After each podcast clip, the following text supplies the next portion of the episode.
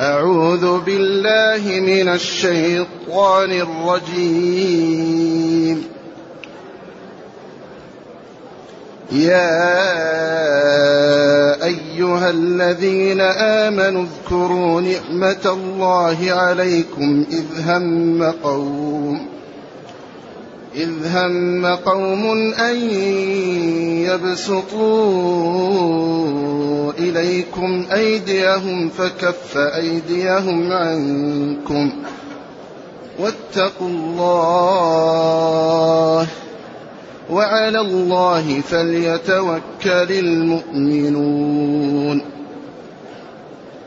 ولقد أخذ الله ميثاق بني إسرائيل وبعثنا منهم اثني عشر نقيبا وقال الله إني معكم لئن أقمتم الصلاة وآتيتم الزكاة وآمنتم وآمنتم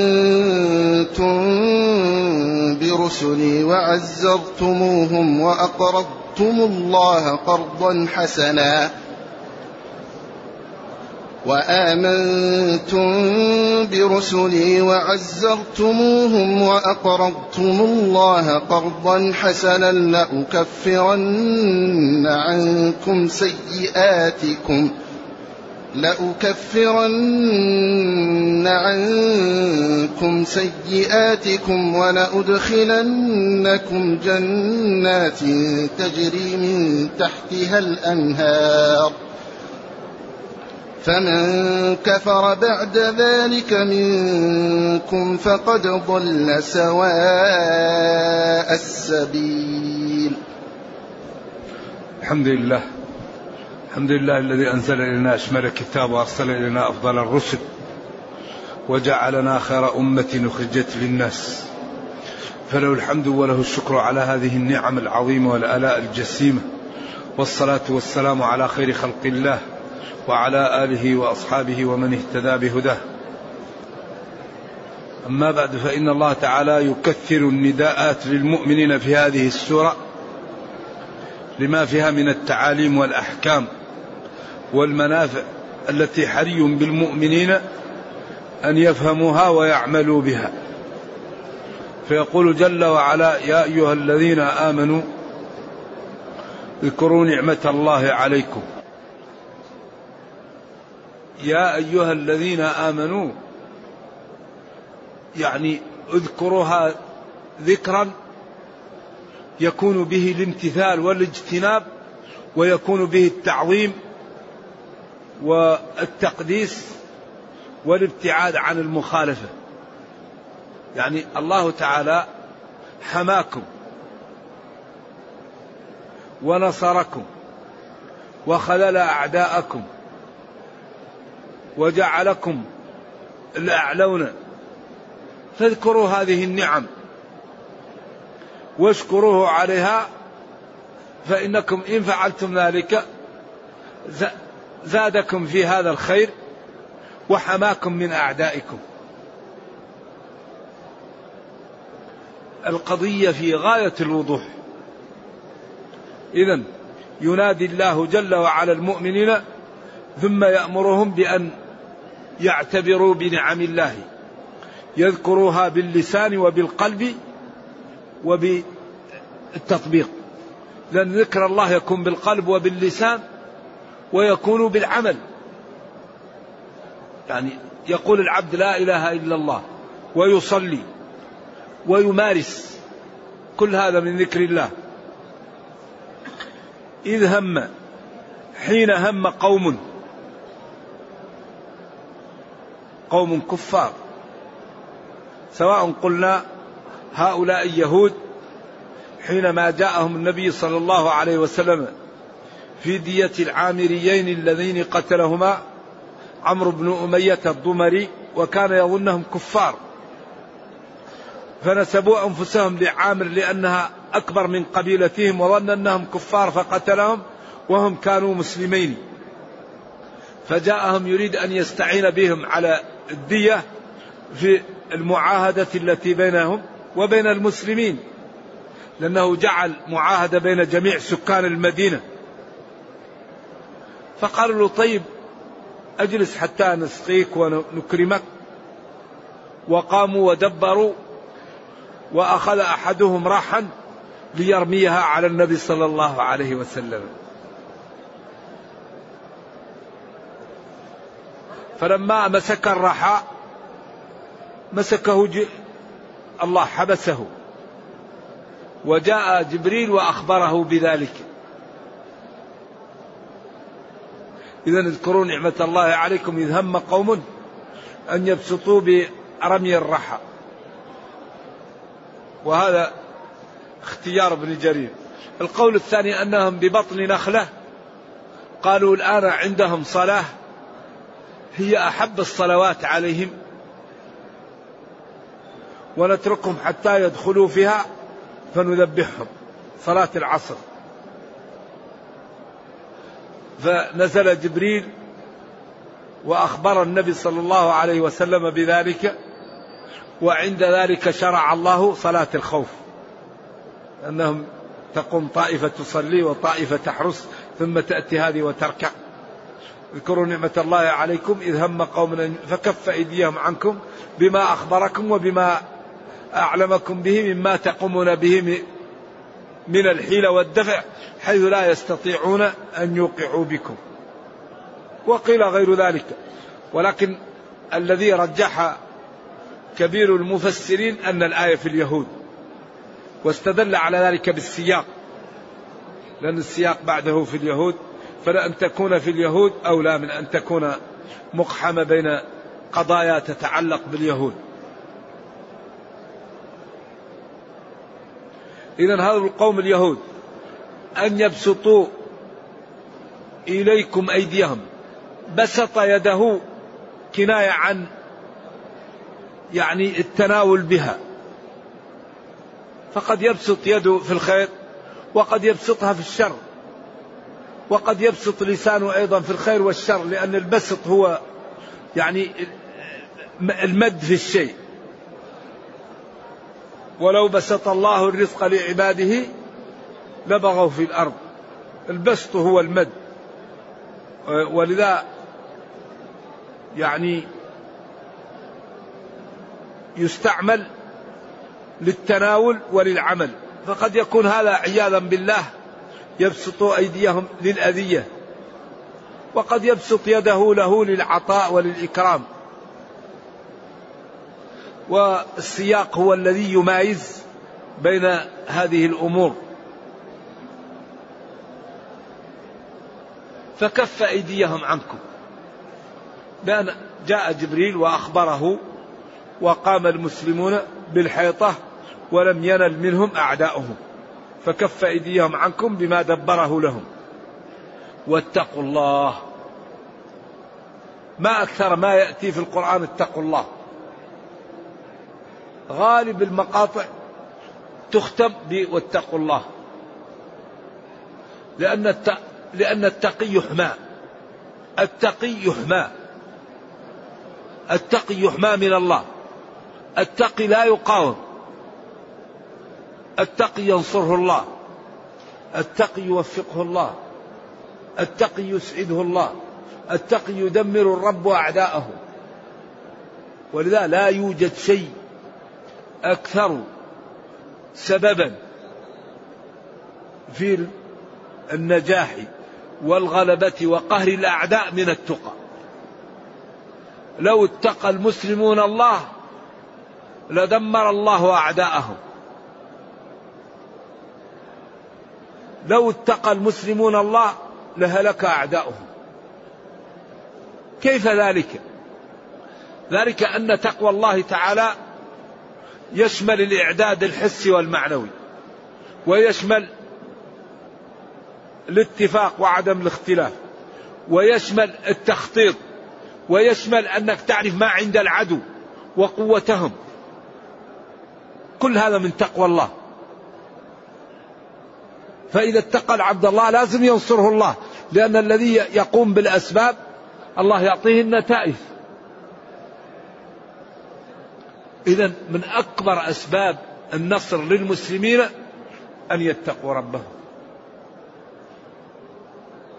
والتقوى ليس مستحيلا ليس صعبا. التقوى أن الإنسان يسدد ويقارب وما يستطيع يعمل من الطاعات يعمله. وما يستطيع والكف ما في تعب. الكف لا تعب فيه. ذلك الكف ترك ما في تعب. لكن العمل اللي تستطيع تعمل تعمله والذي لا تستطيع أن تعمل تسامح. بس الكف تكف. لأن غض البصر ما في تعب. كف اللسان ما في تعب. كف اليد هذه أمور ما فيها تعب. لكن التعب في الممارسة. القيام الطاعة العمل. أما أما الكف ما في تعب. لذلك ما نهيتكم عنه فاجتنبوه لأنه ما في تعب. وما أمرتكم به هذا هو التقى. ولو اجتهدنا واتفقنا على تقوى الله لله تعالى دمر أعداءنا. أعداؤنا ننتصر عليهم بتقوى الله. واتقوا الله ويعلمكم الله. إن تتقوا الله يجعل لكم فرقانا. إن عبادي ليس لك عليهم سلطان. ولا ينصرن الله من ينصره. إن تنصروا الله ينصركم. إن الله لا يخلف الميعاد. نعم. إن الله يدافع عن الذين آمنوا. إذا نصوص صحيحة صريحة. تبين لنا أننا إذا أردنا أن نكون في المكان اللائق بنا أن نتقي الله. وتقوى الله لا يأتي إلا بالمكابدة.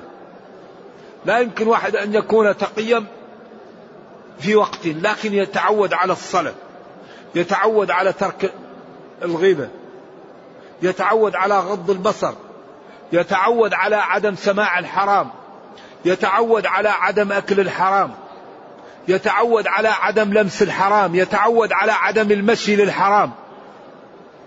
فإذا مارس الطاعات عند ذلك ما لا ينمو الإيمان في القلب فيأتي التقى. فإذا أتى التقى أصبح العبد لا يقاوم. المتقي لو جاءه أهل الأرض لا يستطيعون أن ينالوا منه. لأنه عبد لله وعباد الله يحميهم. العبد إذا كان لله ومطيع لله ويمشي في طاعة الله لا يستطيع أحد أن ينال منه. أبدا. إذا ينبغي أن نطلب ما عند الله بما شرع الله. ينبغي أن نطلب العزة بطريقها. كل شيء له طريقه. فطريق العزة واضحة نطلبها منه. نتحد ولا نختلف ونعد ونهتم بالعلم ونهتم بالعقول ونهتم بالمؤسسات. وبعدين نسأل الله أن يوفقنا وأن يقوينا وأن ينصرنا. أما إذا كان المسلمون لا يقومون بالأسباب فمن أين تأتيهم النصرة كيف تأتيهم النصرة كيف يأتيهم العزة الإنسان إذا كانت له زوجة هل يكون له أولاد؟ لو كل يوم يقول اللهم ارزقني أولادا ما لا يقال له؟ لا بد من زوجة. إنسان يريد أن يكون عالما لا بد أن يدرس. الذي لا يدرس لا يكون عالما. الإنسان الذي يريد أن يكون تقيا لا بد أن يغض طرفه عن الحرام ولسانه وسمعه. والإنسان الذي يريد أن يكون قويا لا بد أن يعد العدة. إذا كل شيء له إيش؟ سببه وأسبابه ينبغي للأمة أن تفهم الطريقة التي بها تكون قوية وتقوم بها. وأن لا تكون الأمة يعني تهمل أنفسها ويتسلط عليها أعداؤها وهي تنظر حائرة. هذا الحقيقة لا ينبغي أن يكون وإن كان ينبغي أن يزال أن يخطط لإزالته. ينبغي أن يخطط تخطيط جاد لأن تكون الأمة في المكان اللائق بها. أمة القرآن أمة الإسلام أمة محمد صلى الله عليه وسلم. في المحافل يحجر عليها في خصوصيات أمورها. لماذا؟ كيف أمة الإسلام يحجر عليها في المحافل؟ مليار وستمائة مليون في المحافل لا تستشار في خصوصياتها. لأن كل شيء له سبب. هذه الآيات تبين لنا. فإن أردنا أن نكون في المكان اللائق بنا. أول شيء نهتم به العلم. العلم. العلم ينير العقول. العلم يوضح لك الخطأ. العلم يوضح لك الصواب. العلم يوضح لك الأمور التي إذا عملتها نلت العزة. يوضح لك الأمور الذي إذا لم تعملها جاءك الضعف. لذلك لا يوجد شيء أنفع من العلم. العلم العلم. فإذا تعلمنا وعملنا ربنا ينصرنا ويعزنا ويجعلنا في المكان المطلوب منا أو المطلوب لنا. خير أمة كنتم خير أمة أخرجت للناس. تأمرون بالمعروف وتنهون عن المنكر وتؤمنون بالله. ولو آمن أهل الكتاب لكان خيرا لهم. فالحقيقة الوضع وضع الحقيقة خطير جدا. نرجو الله تعالى أن يرفع عن الأمة ما حل بها وأن تفيق من هذا السبات وأن تهتم بالمؤسسات وبالعقول وبالتعليم وبالأمور التي بها تحمي نفسها وعرضها ودينها وأموالها. الأمة المسلمة محتاجة إلى أن تحمي أعراضها ودينها وأموالها وأنفسها. وهذا يحتاج منها إلى أمور ينبغي أن يهتم بها. ونرجو الله جل وعلا أن يكف عنا كيد أعدائنا. يقول جل وعلا فكف أيديهم عنكم واتقوا الله. إذا تقوى الله هو الذي به كف الله به أيدي الكفار عن المسلمين. بعدين قال وعلى الله فليتوكل المؤمنون. المؤمنون يتوكلون على الله لكن توكل مقرونا بالأسباب. لأن التوكل من غير الأسباب لا يسمى توكل يسمى ما لا؟ تواكل. وعلى الله لا على غيره فليتوكل المؤمنون. بعد أن يأخذوا بأسباب العزة. يقرأ ويقول اللهم ارزقني العلم. يغض بصره ويقول اللهم ارزقني الورع. يتزوج ويقول اللهم ارزقني أولادا. يبيع ويشتري ويقول اللهم أغنني وارزقني حلالا. يكرم الناس ويتغاضى عنها ويقول اللهم ارزقني محبة الناس وعزة. إذا كل شيء يريد يعمل السبب ويسأل الله. يقوم بالسبب ويدعو الله. إذا نحن نعد ما نستطيع ونستقيم على الدين ونقول اللهم انصرنا. أيوة ينصرنا الله. إذا قمنا بما لا بالأسباب. أما إذا لم نقم بالأسباب هذا أصلا لابد من السبب. كل شيء له سبب.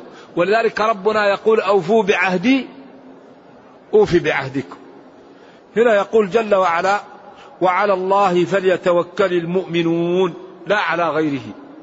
فيقوموا بالأسباب ويتوكلوا على الله ويكلوا أمرهم لله ويلتجئوا إلى الله والله جل وعلا يحميهم. ثم هنا بين دسائس اليهود وأن الذين كانوا بين ظهراني النبي صلى الله عليه وسلم إن غدروا به وكذبوا وخانوا فذلك ديدن اليهود. فاليهود عندهم تاريخ طويل عريض من الغش والتكذيب وقتل الأنبياء والتسلط على الناس. تاريخ طويل حافل. الله تعالى يغدق عليهم النعم وهم يقابلون تلك النعم بما لا بالكفر. يسبوا الأنبياء ويقتلوهم ويشتموهم ويرموهم بالعظائم ومع ذلك الله يغدق عليهم. عاقبهم بالتيه ومع ذلك ينزل عليهم المن والسلوى. يضرب حجر يخرج منه الماء. وجعلنا اثني عشر نقيبا هؤلاء اثنى عشر سر عنده حجر يضربه يخرج الماء من الحجر. طيب الله يعطيكم هذه النعم. ما تخافوا الله ما تنتبهوا؟ يقول لا لا نريد المن ولا السلوى نريد البقول. نريد تعطينا البقول. قال لهم قولوا حطة قولوا لا إله إلا الله. قالوا حبة في شعرة. ادخلوا الباب سجدا دخلوا يزحفون على أستاههم قال لا تصطادوا فوضعوا شباكهم يوم الجمعة فجاءت الحيتان يوم السبت وأرادت أن تطلع فلم تستطع فجاءوا يوم الأحد وأكلوها.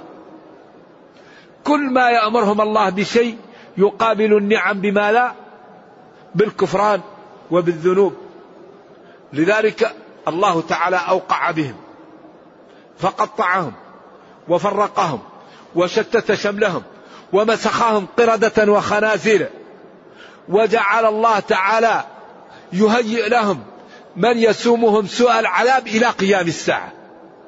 هؤلاء اليهود لا بد أن يهيئوا للإيقاع بهم إلى أن تنتهي الأرض. وإذ تأذن ربك ليبعثن عليهم إلى يوم القيامة من يسومهم سوء العذاب. إذا هم الآن يتجمعون للإيقاع بهم نتيجة لأفعالهم السيئة ولكفرانهم لعام الله ولما يقومون به ضد الإنسانية. قالوا ليس علينا في الأميين سبيل. نحن أبناء الله وأحباؤه. لذلك الله قال وقطعناهم في الأرض. ما يجتمعوا وقال وإن عدتم عدنا. وإن عدتم للإفساد عدنا عليكم بالتنكيل. وقال وإذ تأذن ربك ليبعثن عليهم. إلى يوم القيامة من يسومهم سوء العذاب. وقال ولا تجدنهم أحرص الناس على حياة ومن الذين أشركوا. وقال لا يقاتلونكم جميعا إلا في قرى محصنة أو من وراء جدر. انظروا إلى الجدار الذي هذا الجدار تصديق لقول الله تعالى وأنهم ناس جبناء. لا ولذلك ولو أني بليت بهاشمي وخؤولته بني عبد المدام لهان علي ما أرى ولكن تعالوا فانظروا بمن ابتلاني. أيوة هذه المشكلة الحقيقة أن تكون الأمة المسلمة يتسلط عليها اليهود. هذا الحقيقة هو المؤلم. والسبب كما قال الله تعالى مجيبا للمسلمين قل هو من عندي أنفسكم. قل هو من عندي أنفسكم. فحري بنا الحقيقة أن نهتم بموارد العز وبموارد الرفعة ونحاول أن نطبق شرع الله في حياتنا ونسدد ونقارب وعند ذلك ربنا ينصرنا ويذيب أعداءنا. كما نصر المسلمين يوم الأحزاب لما قاموا بالركنين اللذين يطالب بقيامهما للمسلمين. فالمسلمون إذا أعدوا ما يستطيعون لأعدائهم واستقاموا على شرع الله الله ينصرهم. لذلك قريش وغطفان وهوازن والأحابيش الأحابيش تقال لقبائل مشتركة جاءوا من فوق المدينة ومن أسفلها. وكل من في الأرض يقاطع أهل المدينة. حتى قال وبلغت القلوب الحناجر. هذا تعبير عن شدة الخوف. أول شيء عملوا الركن المادي وهو حفر الخندق. ثم قاموا بالركن المعنوي وهو قولهم هذا ما وعدنا الله ورسوله وصدق الله ورسوله وما زادهم إلا إيمانا وتسليما. إذا هذا الهول زادهم إيمانا وتسليما والتجاء إلى الله ثم قاموا بما يستطيعون وهو حفر الخندق. إذا ربهم لما رأى فيهم أنهم أعدوا ما يستطيعون واستقاموا على دين الله حماهم وبث في قلوب أعدائهم الرعب. جاءت الملائكة وزرعت فيهم الرعب وجاءت الرياح وأصبحوا كل ما وضعوا خيمة نسفتها الريح وكل ما وضعوا قدرا. نسفته الريح وكل ما عقلوا جملا نسفت الريح عقاله وبثت الملائكة في قلوبهم الرعب ورجعوا مهزومين وامتن الله على المسلمين وقال جل وعلا يا أيها الذين آمنوا اذكروا نعمة الله عليكم إذ جاءتكم جنود فارسلنا عليهم ريحا ريحا عظيمة وجنود عظماء لم تروها. فارسلنا عليهم ريحا وجنودا لم تروها إذا الذي ينصر بالملائكة والرياح كيف تكون العلاقة به؟ تكون العلاقة به على ما أراد. أما في بعض الأمور يقول لا نحن ننتصر بالميت. لا تنتصر بالله. الميت تتحدى القدر. القدر ما يقدر يتحداه شيء. إنما أمره إذا أراد شيئا أن يقول له كن فيكون. اليهود لما اصطادوا يوم السبت قال لهم كونوا قردة. كونوا. فأشكالهم تغيرت. صالح لما قال يا ربي أخرج الناقة من الصخرة تحركت الصخرة وخرجت الناقة. إبراهيم لما رموه في النار قال لها كوني بردا. قال العلماء لو لم يقل سلاما لتجمد إبراهيم. إذا نحن عندنا نظام جاءنا من السماء. ينبغي أن نهتم بتطبيقه في حياتنا وربنا ينصرنا. دستور جاء من خالق السماوات والأرض وأنزل في كتابنا أنه تبيان لكل شيء. فيه نبأ ما قبلنا وخبر ما بعدنا وحكم ما بيننا. فيه النبأ الخبر العظيم ما قبلنا وخبر ما بعدنا وحكم ما بيننا. إذا ينبغي أن نحكمه في حياتنا والله يعزنا في الدنيا ويرحمنا في الأخرى. أما نمشي في الغلط غلط زايد غلط زايد غلط يساوي غلط. غلط لو بحر من الغلط ينتج غلط. أمة الإسلام كلها مليار مليارين في المحافل يحجر عليها. أمة الإسلام في المحافل لا قيمة لها. أمة الإسلام. يعني تدرب على أنها لا تهتم بقضاياها. هذا أمر أمر إمرو أمر عظيم. إذا نحن نمنا وأعداؤنا استيقظوا وخططوا. طيب إلى متى؟ لا بد أن نبدأ. أهم شيء نبدأ به الاهتمام بالعلم. الاهتمام بالمؤسسات الاهتمام بالعقول الاهتمام بالنظام الاهتمام بالاستشارة الاهتمام بالمال العام الاهتمام بالضعيف. إنما تنصرون بضعفائكم. فإذا اهتممنا بالعلم واهتممنا بالعقول وبالمؤسسات شوية شوية وبإذن الله تعالى تكون الأمة في المكان اللائق بها إذا كانت أمة تزهد في العقول الأمة المسلمة كل سنة تصرف على التعليم العالي أربعة بلايين وتذهب إلى الغرب.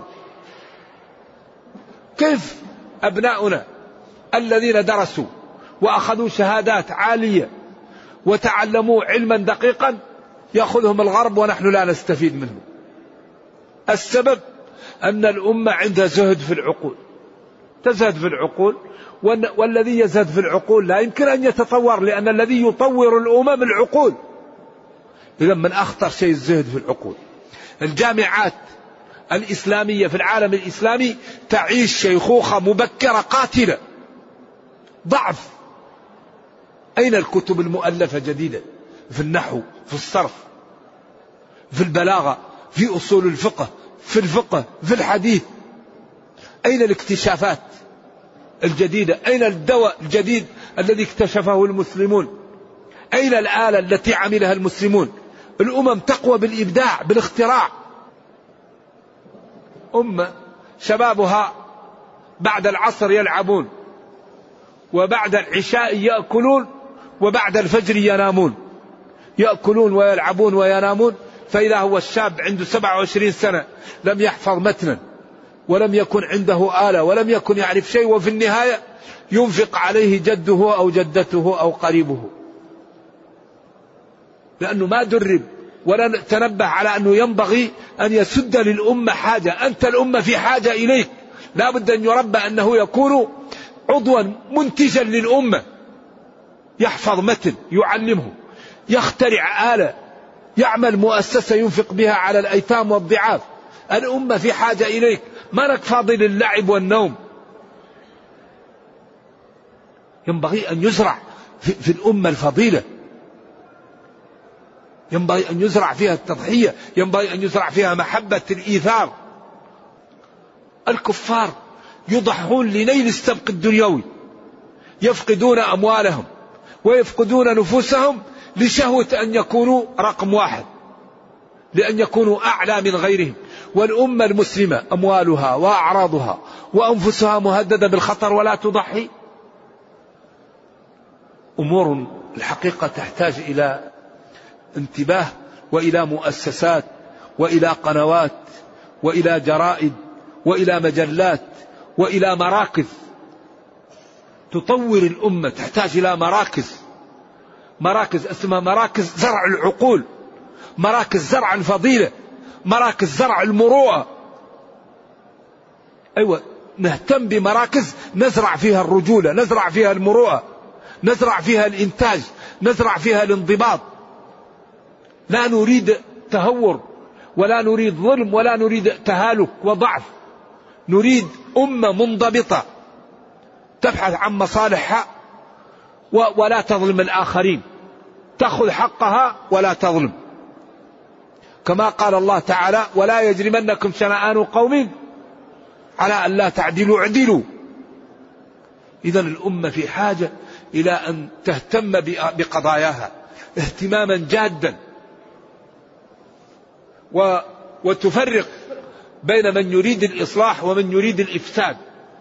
الذي يريد الإفساد يؤخذ على يديه والذي يريد الإصلاح يهيأ له.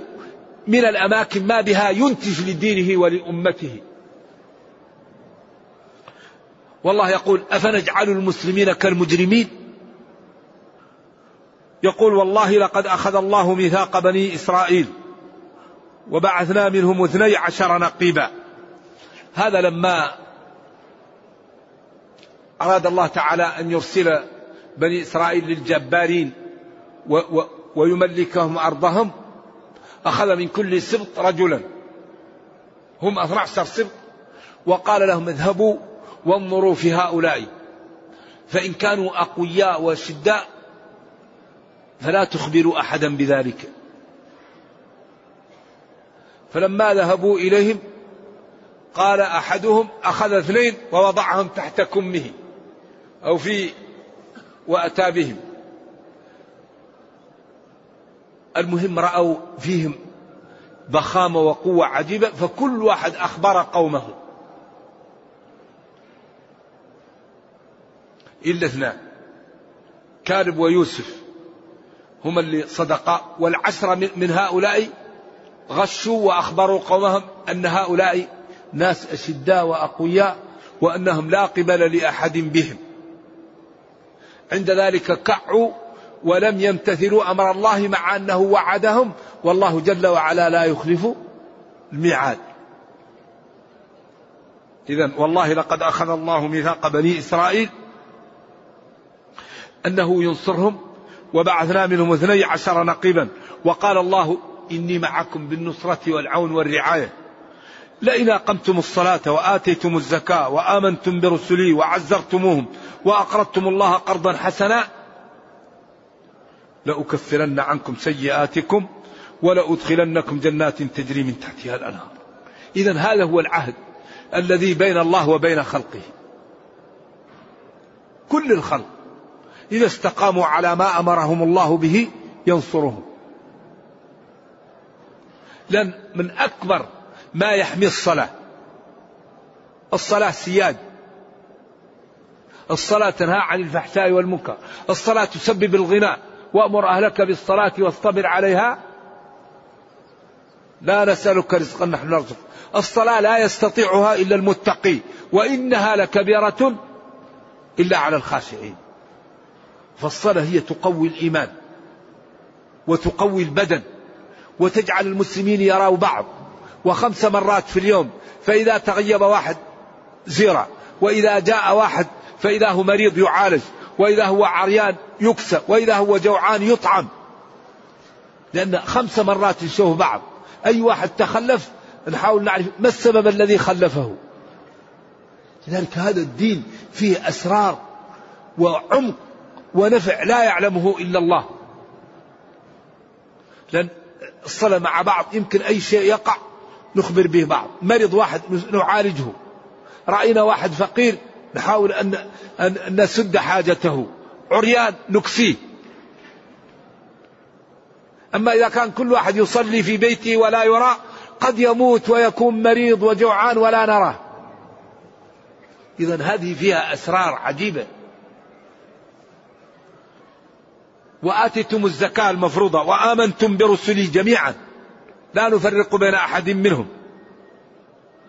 وأقرضتم الله قرضا حسنا وتصدقتم من أموالكم لأن الصدقة تزيد المال. والله ما نقص مال من صدقة. لا توكي فيوكي الله عليك. من أكبر أسباب الغنى البذل.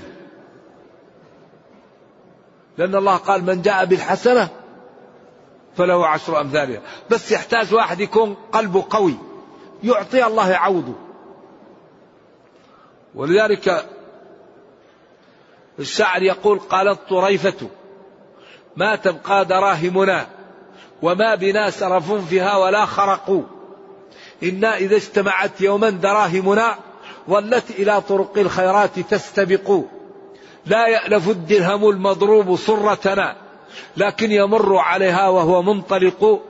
حتى يصير إلى نذل يخلده يكاد من صره إياه يمزق. نرجو الله العافية. نعم. ذلك يعني البذل لدين الله هذا من أفضل شيء. ولذلك الإسلام دائما يذكر الصلاة والزكاة والبذل. انفقوا مما رزقناكم. انفقوا انفقوا. من الذي يقرض الله قرضا حسنا؟ فلأن هذا الجانب يسد للمسلمين حوائج ويجعل الأمة تكون متماسكة. لأن المال مهم لأجل ما يسد وإلا الدنيا لا تسوى عند الله جناح بعوضة. لذلك قال ما ضر عثمان إيش ما فعل بعد اليوم. جهز جيشا. عبد الرحمن بن عوف قال دلوني على السوق. ثم كان من أكثر أهل المدينة غنى.